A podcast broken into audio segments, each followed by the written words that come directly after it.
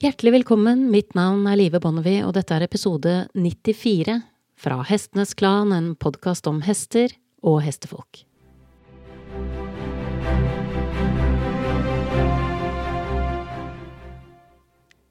Det hender det dukker opp artikler i newsfeeden på Facebook som vekker min oppmerksomhet, og jeg har tenkt å bruke ukens episode til å si noe om en slik artikkel.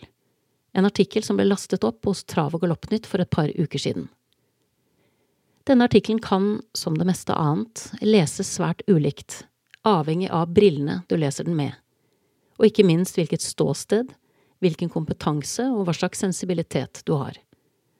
For under bildet av en smilende trener og en smilende oppdretter, og en ung hoppe smykket med en gul og grønn rosett, så står det en tekst som er ganske åpen for tolkning. Forestill deg at den aktuelle artikkelen leses av to svært forskjellige lesere og deretter gjenfortelles til en tredjepart. Ikke i sin helhet, men gjennom overskrifter og korte resonnementer, slik vi gjerne deler informasjon oss mennesker imellom. Her er versjon nummer én. Jeg leste nettopp en skikkelig inspirerende artikkel i Trav og Galoppnytt om en fireårshoppe som oppdretteren betegna som umoden, og som han mente trengte litt hjelp. Hun ble beskrevet som en stresset og urolig hest, som trengte å få det på sine premisser og de hadde holdt igjen debuten hennes fordi de mente at hun ikke var mentalt klar. Inntrykket var at oppdretteren hadde kjent sin begrensning, og at han derfor valgte å sende denne hoppa til en trener han selv betegnet som en av de beste i Norge til å være psykolog for hesten. Hoppa i artikkelen hadde tidligere protestert en del, så det første treneren måtte ta stilling til, var å finne en måte å få kontakt med henne på og kort tid etter at treneren overtok ansvaret og oppfølgingen, debuterte Hoppa med en tredjeplass. Deretter hadde hun ingen plasseringer under fjerdeplass på sine syv neste starter, før hun tok den første seieren på åttende forsøk. Hoppa ble også mer tillitsfull og folkekjær, og oppdretteren mente framgangen kunne tilskrives treneren, som artikkelen også omtalte som en hestekar som ikke nødvendigvis gjorde som alle andre. Og hadde jeg fått historien gjenfortalt slik, så hadde jeg nok blitt nysgjerrig fordi jeg alltid syns det har vært interessant å få innsikt i hvordan andre trenere jobber, særlig de trenerne som ikke gjør som alle andre.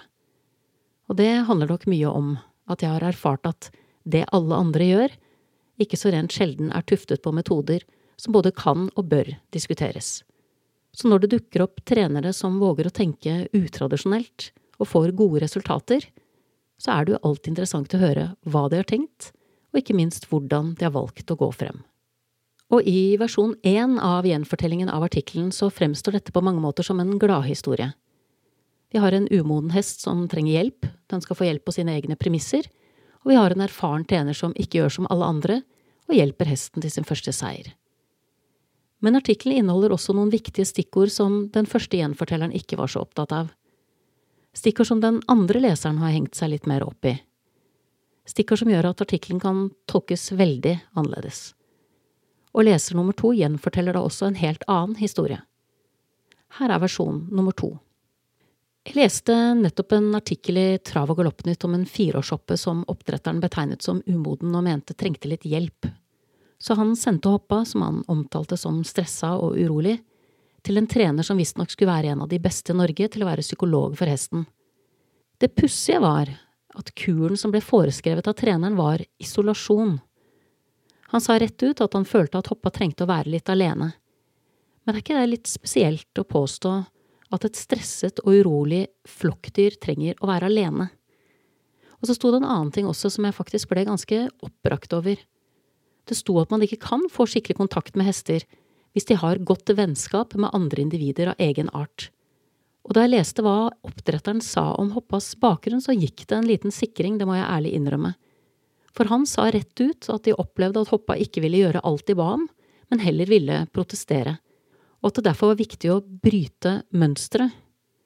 Men er det ikke ganske normal atferd for en ung og umoden hoppe med et snev av egen vilje å protestere dersom noen krever at hun gjør alt de ber om, mens hun selv er både urolig og stresset? Og vet du hva de siktet til da de snakket om å bryte mønsteret? Jo, det framgikk eh, faktisk ganske klart av den artikkelen, der det ble påpekt at testen trengte et såkalt miljøskifte. Og dette skiftet besto ikke bare i at Hoppa ble sendt til et helt nytt sted, men at hun også ble helt isolert fra andre hester. Ikke bare når hun gikk ute, men også inne, der hun ble plassert i det treneren selv valgte å betegne som en enecelle i en kjeller. Ikke helt i tråd med paragraf fire i Forskrift om velferd for hest, der det står svart på hvitt at det i alt hold og bruk av hest skal tas hensyn til hestens atferdsmessige, sosiale og fysiologiske behov. Man skal alltid være forsiktig med å trekke paralleller mellom hester og mennesker. Vi er to ulike arter.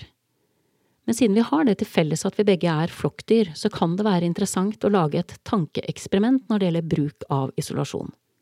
La oss si at det ikke var en umoden hest vi hadde med å gjøre, men en umoden ungdom. En ungdom som ikke var så flink til å ta regi, og generelt var nettopp stresset og urolig. Ville vi da tenkt at dette unge, umodne vesenet trengte å være alene, eller ville hatt et positivt utbytte av isolasjon? Neppe. Og her har vi faktisk virkelig noe til felles med hestene. Ingen av oss er konstruert for å isoleres fra våre artsfrender. Både hestene og vi har en grunnleggende angst for å være alene, fordi instinktet vårt vil fortelle oss at det kan være ensbetydende med døden.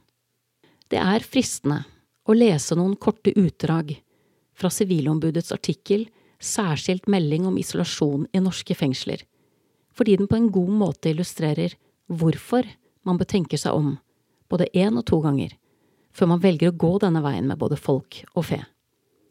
I juni 2019 så overleverte Sivilombudsmannen en særskilt melding til Stortinget om isolasjon og mangel på menneskelig kontakt i norske fengsler.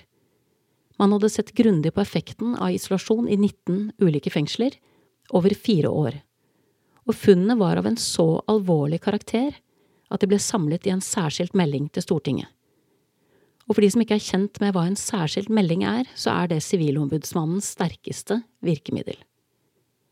Det sentrale elementet i isolasjon er at innsatte holdes adskilt fra andre innsatte, og at meningsfull menneskelig kontakt reduseres til et minimum. Internasjonalt så finnes det ulike definisjoner på begrepet isolasjon, men alle tar utgangspunkt i at isolasjon er et alvorlig inngripende og helseskadelig tiltak. Kontakt med andre mennesker er, akkurat som kontakt med andre hester, et av de mest grunnleggende behovene vi har. Og meldingen vier plass til å presentere det omfattende kunnskapsgrunnlaget som foreligger om fysiske og psykiske helseskader som følge av isolasjon.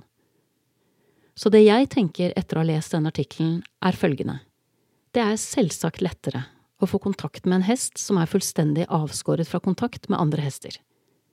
Og hvis toneangivende krefter innenfor et miljø definerer dette som legitim praksis, og det i tillegg gir målbare resultater, så er sjansen for at metoden ifrågesettes nedover i næringskjeden minimal. Men det er ikke dermed sagt at det verken er etisk eller velferdsmessig forsvarlig å bruke slike virkemidler. Særlig ikke på hester som med all mulig tydelighet har forsøkt å si nei takk til det vi vil ha dem til å gjøre. Saken er den at hvis fokus på prestasjon er det eneste vi navigerer etter, så er det ikke bare lett å tråkke feil. Jeg vil påstå at det er umulig å la være. Du har nettopp hørt episode 94 fra Hestenes Klan, en podkast om hester og hestefolk. Takk til min faste komponist Fredrik Blom, og sist, men ikke minst takk til deg, kjære lytter, for tålmodigheten. Måtte hesten for alltid være med deg.